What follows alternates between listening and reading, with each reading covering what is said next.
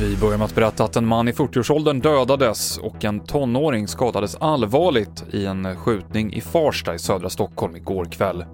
Ingen har blivit gripen och så här säger Per Falström på Stockholmspolisen om vad som sker på platsen.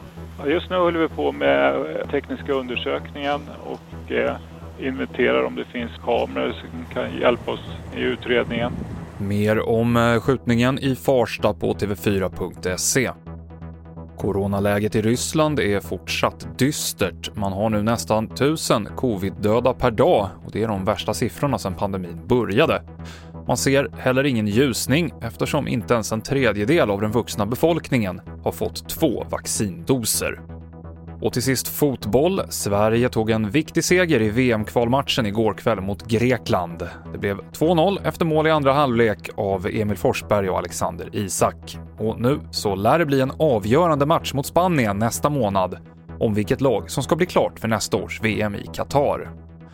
Senaste nytt finns i appen TV4 Nyheterna. I studion Mikael Klintevall.